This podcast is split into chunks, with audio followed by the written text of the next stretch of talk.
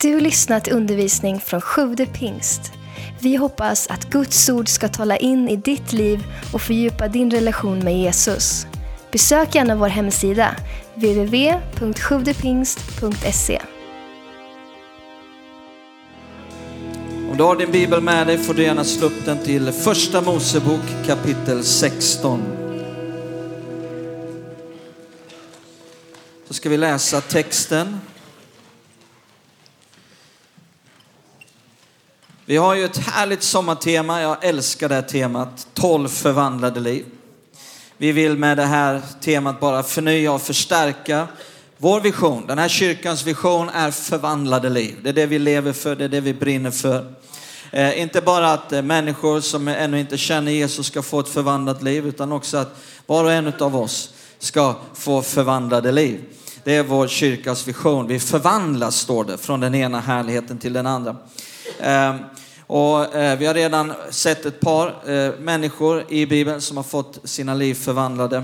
Eh, och idag ska vi hitta en speciell berättelse om en väldigt speciell kvinna som hette Hagar och se vad Gud gör i hennes liv. Och, och när, jag, när, vi, när jag målar upp den här berättelsen så kanske du i någon form eller någonstans känner igen dig själv. Och jag är övertygad om att, att Gud vill göra samma sak som han gjorde för Hagar eh, för 4000 år sedan. Det vill han göra samma sak på samma sätt i vår tid där vi bor. Är du med?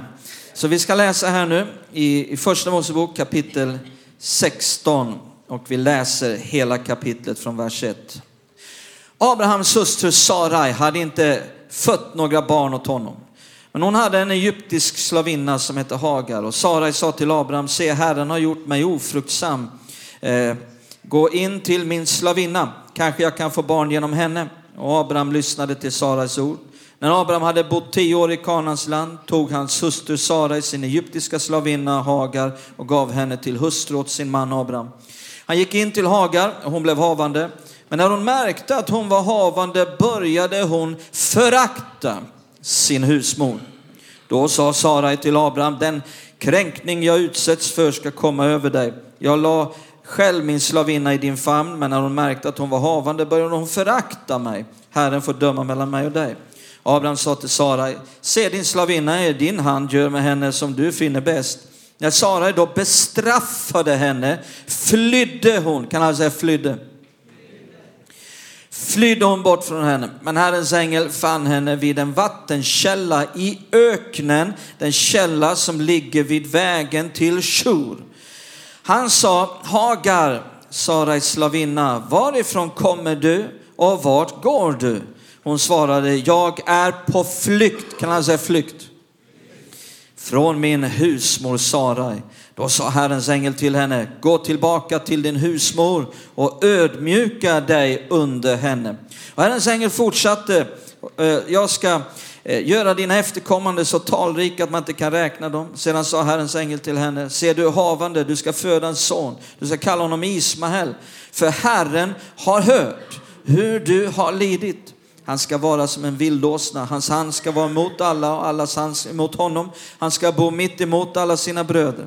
Hon gav ett namn åt Herren som hade talat med henne. Hon sa, du är den Gud som ser mig. För hon tänkte, har jag här fått se en skymt av honom som ser mig? Därför kallade man brunnen Ber Lahai Roy. Den ligger mellan Kaders och Bered. Hagar födde en son åt Abraham och Abraham gav sonen som Hagar fött namnet Ismael. Abraham var 86 år när Hagar födde Ismael åt honom. Eh, här finner vi eh, hur Herrens ängel fann, står det. Herrens ängel, titta här i vers 7. Vi läser vers 7 en gång till och titta nog vad det står. Men Herrens ängel fann henne vid en vattenkälla i öknen, den källa som ligger vid vägen till Shur. När Herrens ängel uppenbarar sig i Gamla Testamentet så är det alltid en väldigt speciell händelse. Eh, och jag har inte tid att gå in på det här idag och visa och förklara. Men själva uttrycket Herrens ängel, där, där, när det kommer så handlar det om ingen mindre än Guds son, Jesus. Jag skulle önska ta det vid ett annat tillfälle. Eh, och, och det står att han fann henne. Eh, ibland säger människor att de fann Jesus. Men vet du vad, Jesus har ju aldrig varit förlorad. Eh, det är människan som är förlorad. Och människan själv kan aldrig finna Gud i sitt förlorade tillstånd. Eh, eh, utan det är alltid Gud som finner människan.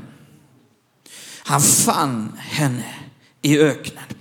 Eh, och, och, och, i, i, hennes, I hennes tillstånd. Och så säger Herrens ängel, varifrån kommer du? Varifrån kommer du? Titta i vers 8, vi läser det igen. Han sa, Hagar, Sarais slavinna, varifrån kommer du? Och vart går du? Hon svarar jag på flykt från min husmor Sarai. Varifrån kommer du? Jag tror att det är en väldigt bra fråga att ställa sig själv. Varifrån kommer jag? Eh, den här dagen, om vi tar Hagar, eh, så befann hon sig på flykt 10-15 mil så långt bort ifrån sitt problem som hon bara kunde komma vid en vattenkälla i öknen. Och hon hade en massa negativa känslor och tankar som bara fyllde hela hennes inre. Och var hon befann sig och vart hon var på väg, det var helt och hållet format utav varifrån hon kom och vad hon hade varit med om. Och vi behöver stanna upp vid det först och det är det som jag tror också kanske någon här idag, kanske några här idag verkligen behöver ställa var, varifrån kommer? Hagar, hon var från Egypten. Hon hade antagligen blivit Abrahams och Saras slav när de var i Egypten och som de sen tog med sig. Eh, eh, Hagar var deras egendom och de behandlade henne på det sättet. Så när, när Gud kommer här eh, och talar med henne, alltså vi vet att hon heter Hagar av den anledningen att det var Gud som sa det. Hagar. Abraham och Sara, de refererade till henne som slavinnan.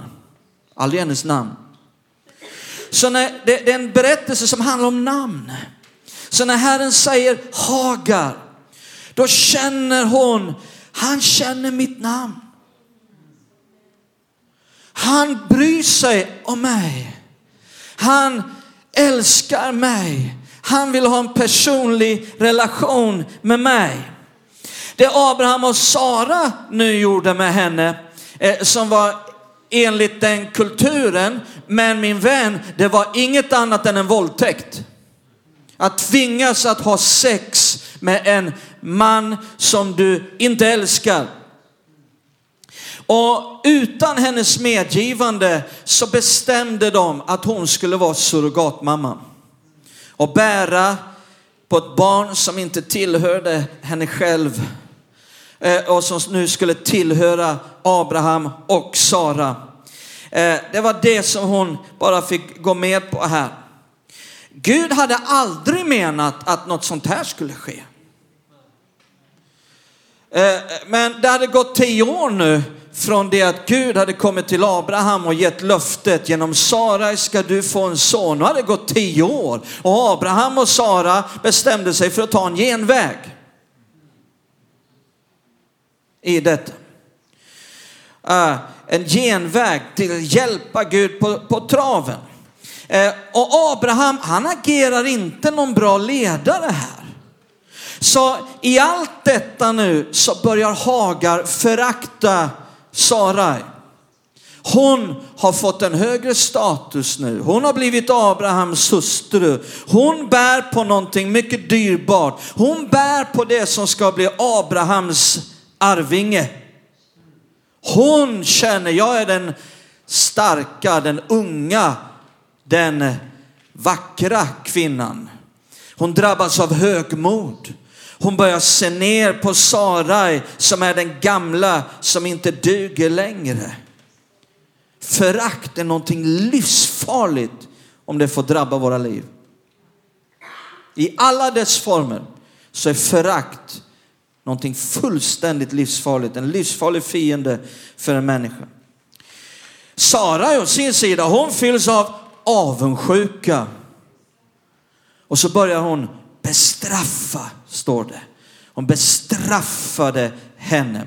Och Hagar får ingen hjälp av Abraham. Det hebreiska ordet här för bestraffa är Anna och det betyder förnedra. Det betyder undertrycka, det betyder förödmjuka. Och Saras eget försök att ödmjuka Hagar ledde bara till förödmjukelse. Har du försökt ödmjuka någon? Som du tyckte behövde få lite mer ödmjukhet och så försöker du ödmjuka dem. Eh, det, det, det, lyckas aldrig bra, eller hur? Det blir aldrig fel, eller, eller det blir alltid fel snarare. Alltså jag kommer ihåg en gång jag kom in på ett gym. Det är inte ofta jag är där men. Eh, en gång kom jag in på ett gym. Då stod det en kille där och han spände sig framför en spegel.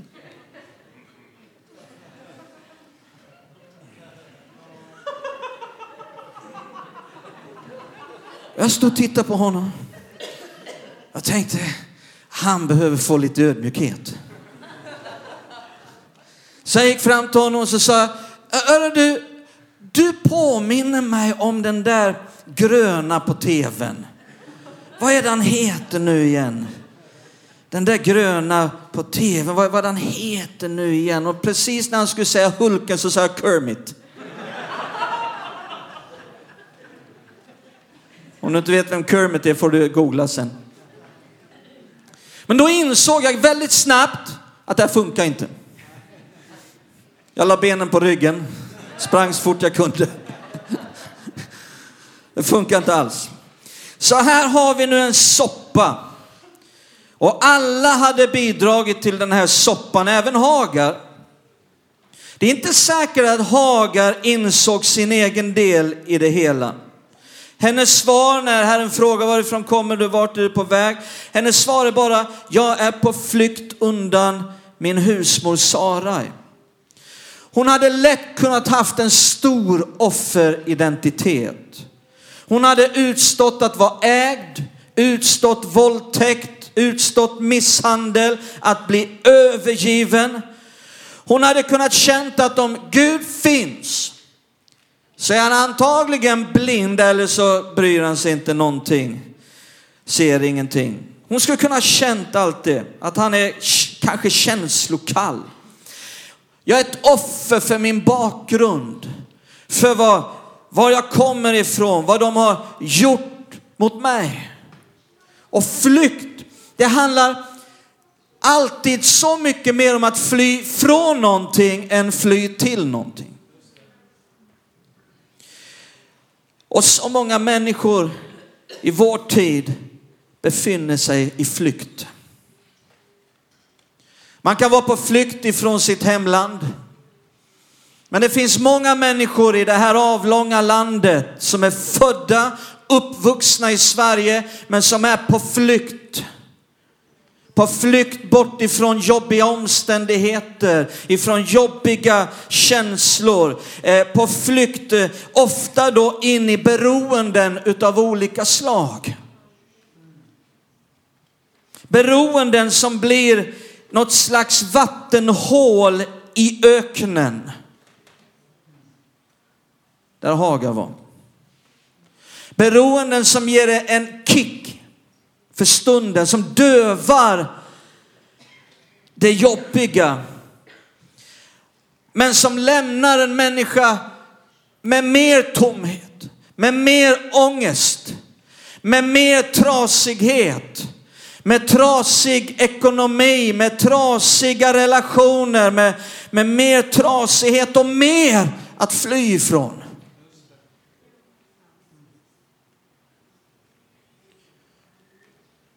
Och ganska snart så kan, kan eh, så mycket mer utav eh, de här beroende, därför slukar de ofta mer pengar, mer energi, mer tid, som istället skulle ha getts till någonting helt annat.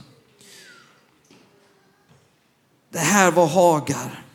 Hon var vid det här vattenhålet. Hon var där i öknen och så många människor har flytt in i någonting liknande. Men Gud vill hjälpa dig ut ur ett liv i öknen där du har klamrat fast dig vid ett vattenhål. Min vän, du är inte ämnad att leva fast vid ett vattenhål i öknen. Gud vill hjälpa dig på samma sätt. Men många känner sig som ett offer. Jag är ett offer för vad man har gjort mot mig. Eh, och jag kan inte hjälpa att jag är där jag är. Att jag känner vad jag känner. Att jag beter mig som jag beter mig för jag är ett offer. Och därför kan jag inte heller göra någonting åt detta. Eller ändra på detta. Många känner så. Det är andras fel. Och jag är ett offer. Och därför kan jag inte göra någonting. Man kan också sörja över vad andra har tagit ifrån en. Man kan till och med bli arg. Kanske till och med bitter över vad andra har gjort mot en. Så när Herrens ängel nu frågar, varifrån kommer du? Så visar det att Gud bryr sig. Det är det här som är så underbart i den här frågan. Att Gud kommer in och det första han säger är, varifrån kommer du? Det visar att Gud är en Gud som bryr sig om var du kommer ifrån. Han är intresserad av din story. Vad som har påverkat dig fram till var du är idag. Han har sett dig genom allt detta. Och det var det som Hagar fick känna i det. Att Gud ser. Och därför så gav hon Gud ett namn. Titta här i vers 13, vi läser det. Det här är jätteintressant i Bibeln för det är helt unikt. Det står, hon gav ett namn åt Herren som hade talat med henne. Hon sa, du är den Gud som ser mig. För hon tänkte, har jag fått se en skymt av honom som ser mig? Där, eh, så det står att hon gav ett namn åt Herren. Vet du om att Hagar, hon är den enda i hela Bibeln som ger Gud ett namn. Det är väldigt unikt det som sker här. El Roy. Gud ser. Betyder det. Hon kände fram tills nu att ingen ser mig. Ingen hjälper mig. Jag är helt ensam i en stor och grym värld med mitt problem. Och kanske det är några som är här idag som känner precis så. Och den där guden som Abraham och Sarai talar om. Det är ingen som bryr sig om mig.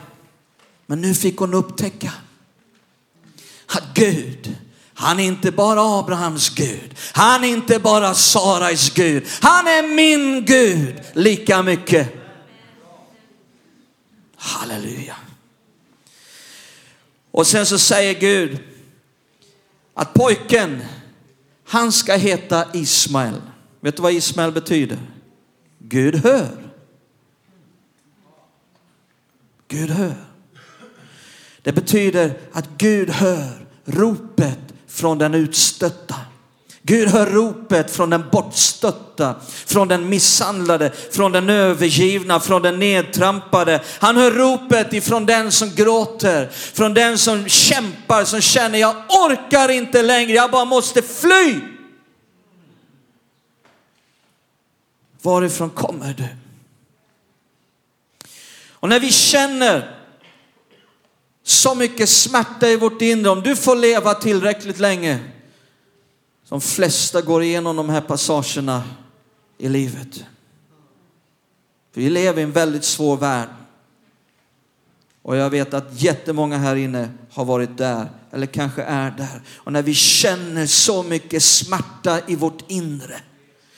När vi känner att jag vet inte vad jag ska ta mig till. Där min situation är helt omöjlig. När vi känner att allt är skit. Att varje vaken minut går åt att tänka och fundera på hur ska jag orka till kvällen?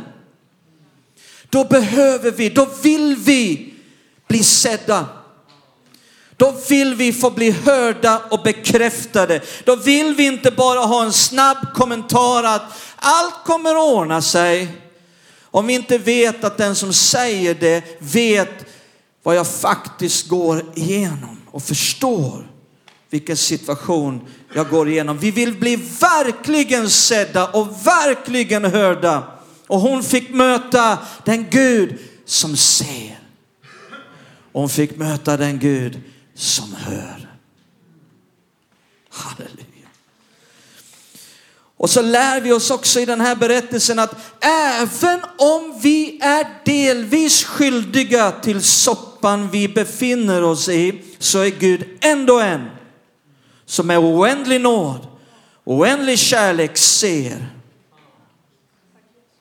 Även om du är delvis skyldig. Så Haga, hon hör Gud säga, var kommer du ifrån? Vad sa Gud sen? Sa Gud, Hagar, nu ska du bara få sitta ner här i öknen. Så ska jag hålla om dig och trösta dig och du ska förbli ett offer.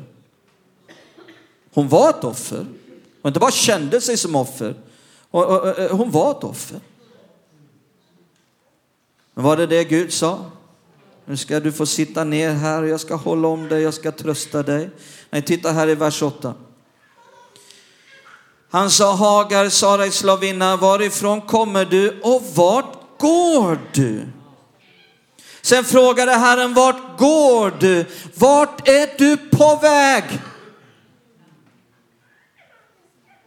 Där behöver vi stanna upp och ställa också den frågan. Hon hade inget svar på den frågan. Hon kunde tala om var hon flydde ifrån. Hon hade ingen aning vart hon var på väg. Kanske någon vaga på väg åt något håll här, liksom. Tillbaka till Egypten kanske. Men hon sa ingenting om det. Hon hade inget svar. Kanske du känner, jag har inget svar på den frågan. Jag vet inte.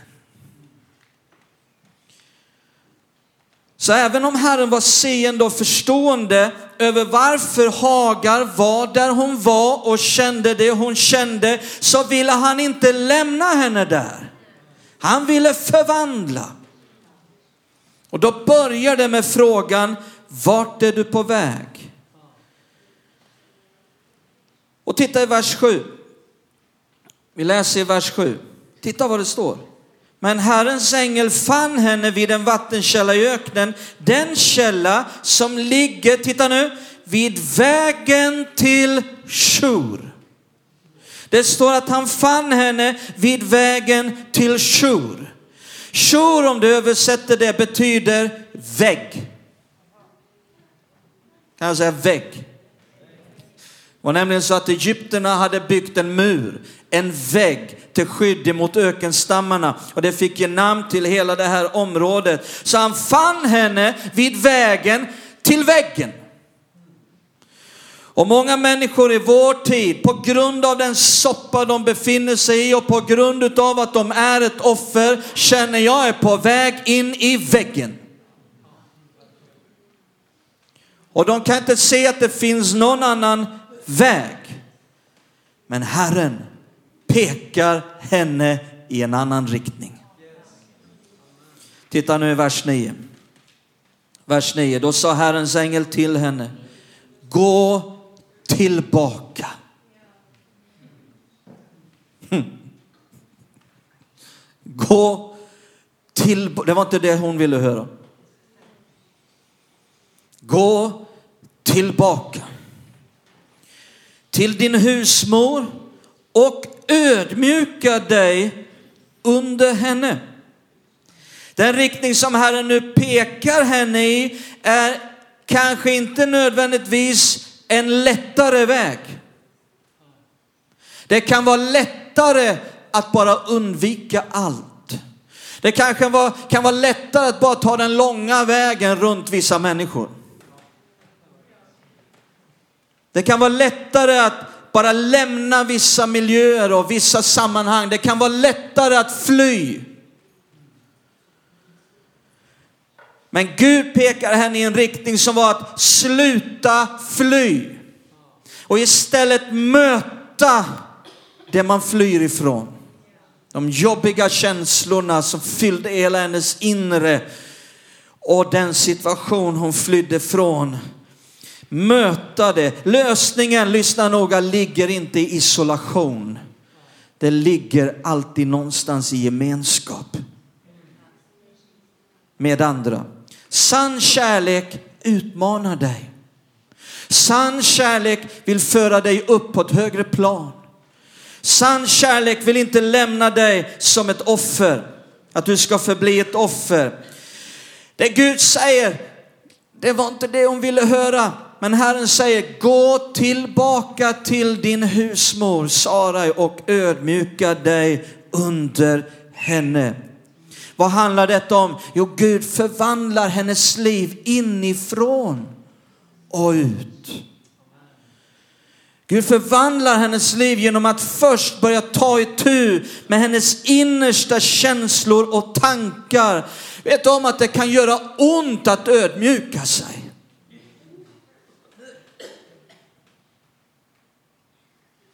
Att inte lägga all skuld på vad jag är på alla andra. Och säga att det är, alla, det är bara andras fel. Och att då istället själv först, först, först själv börja förändras. Självklart, lyssna noga. Självklart var det som Sarai hade gjort, det var fel. Det var fel. Men lösningen för oss ligger aldrig i att alla andra runt omkring ska förändras. Om bara alla andra runt omkring mig förändras så ska det bli ett förvandlat liv. Nej, lösningen ligger i det som Hagar fick uppleva, min vän. Gud ville att hon skulle gå tillbaka till Sarai för hon behövde ta itu med sin attityd. Hur berättigad hennes flykt än var så fanns det någonting i responsen i Hagar som Gud ville komma åt. Jag har märkt i mitt liv att, att, att hur, hur, hur, hur mycket jag än tycker att jag har blivit orättvist behandlad och det var fel det de gjorde. Och när jag börjar tala med Gud om det och jag säger Gud, nu är jag arg. Jag är ett offer. De har gjort det här mot mig. Jag har varit där mer än en gång. Sitt inte där och se så oskyldig ut. Ni sitter där och ser så heliga ut som ni inte vet vad jag pratar om. Nej, jag bara skojar med er. Ni vet vad jag pratar om. Man har varit där och säger Gud, mm. tala till han. Tala till dem. Berätta för dem att det var fel. Och jag ber på på det här sättet. Jag har gjort det. Och sen att till sist blir tyst. För jag känner att det, det är som det, det är någon, Gud lyssnar inte på mig. Så när jag blev tyst och vågar jag lyssna djupt i min ande, de första orden som kommer är, det där Sven skulle du kunna ändra på i ditt liv. Mm. Jag visste du skulle säga så. Om du går tillbaka och du säger det och du gör det tyst. Uh, uh, liksom. Gud börjar alltid här. När vi blir pressade då har Gud en chans att komma åt något i ditt liv. Om du vågar. Vi kan ha rätt i att vara sårad. Vi kan ha rätt i att ha vår smärta. Men det vi gör med vår smärta, det vi gör med vår, vårt sår, det kan fortfarande vara fel. Är ni med? Du kan ha rätt i att vara sårad. Du kan ha rätt i att du känner smärta. Men vår respons, vad vi gör med det, med vår smärta, med våra sår, kan fortfarande vara fel. Hon kanske hade velat höra från Gud, sa Hagar, jag ska fixa Sarai. Men Gud lovar inte det. Han sa inte gå tillbaka till Sarai, jag ska förändra henne. Gud lovade inte alls att han skulle förändra omständigheterna. Men Hagar, hon hade haft ett möte med Gud. Och Gud hade gett löften om välsignelse.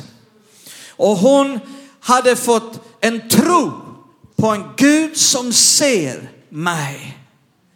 Och en tro på hans ord och på hans löften och en tillit till hans styrka.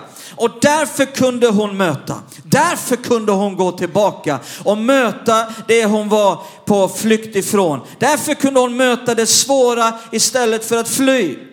Och på samma sätt så vill Gud hjälpa var och en som känner sig som ett offer till att kunna sluta vara ett offer. Till att känna, jag kan göra någonting åt min situation. Jag kan göra någonting åt mitt liv. Jag kan göra någonting.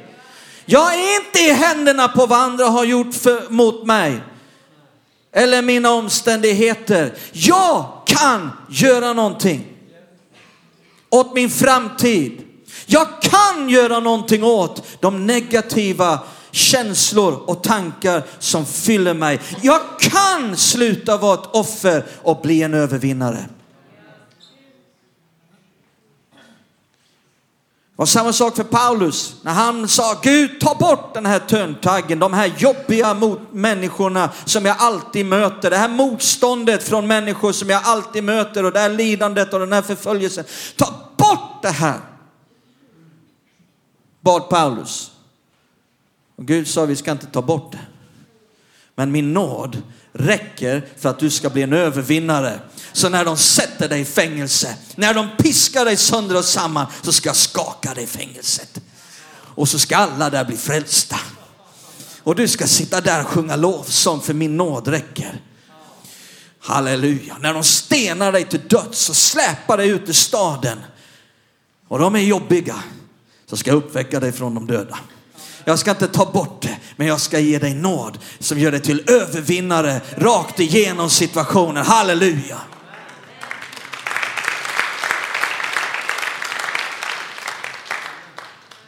Men Hagar, hon behövde fortfarande fatta ett viljemässigt beslut.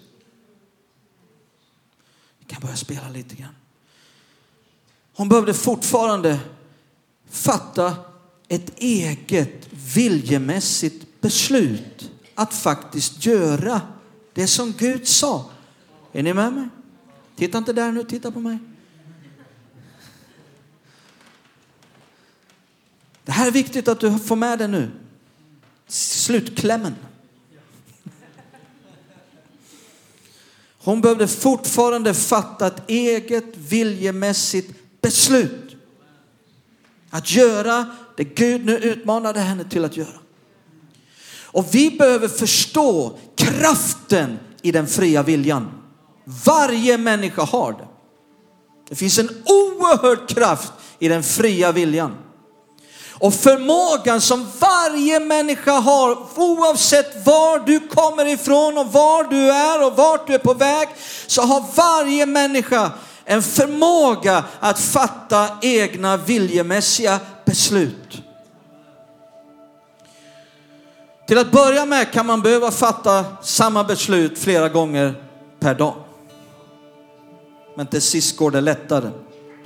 Kanske att Hagar behövde fatta samma beslut flera gånger under de 15 milen tillbaka till Sarai. Kanske hon gick en mil och kände, jag vet inte. Jo, jag fattat beslut. Hon gick några steg till. Nej. Jo, Hon tog några steg till. Nej. Men ju närmare hon kom, ju längre hon gick, desto lättare blev det. Och när hon kom tillbaka till Sarai så kunde hon behandla Sarai, inte som Sarai förtjänade. Vad bra det är när vi inte behandlar människor som de förtjänar. Det är jag väldigt glad för.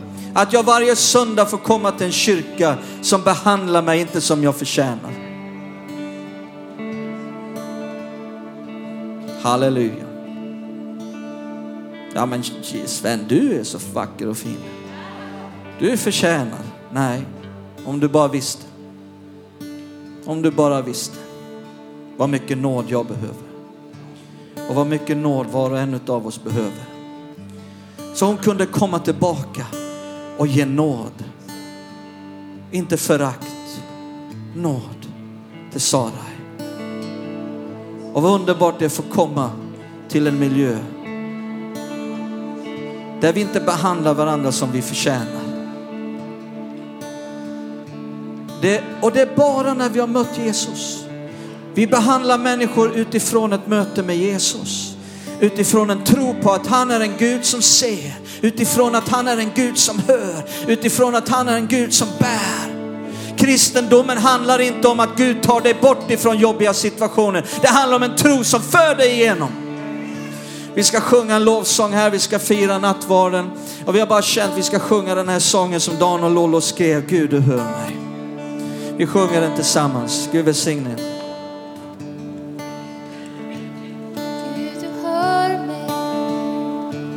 Gud du hör mig Gud du hör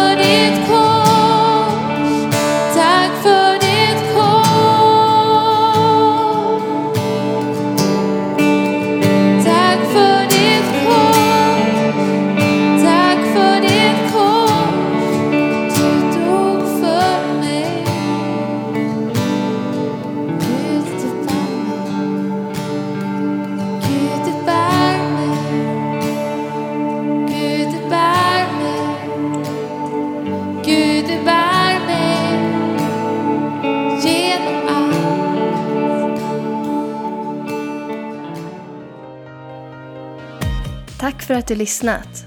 Glöm inte att du alltid är välkommen till vår kyrka. Du hittar mer info på www.sjuvdepingst.se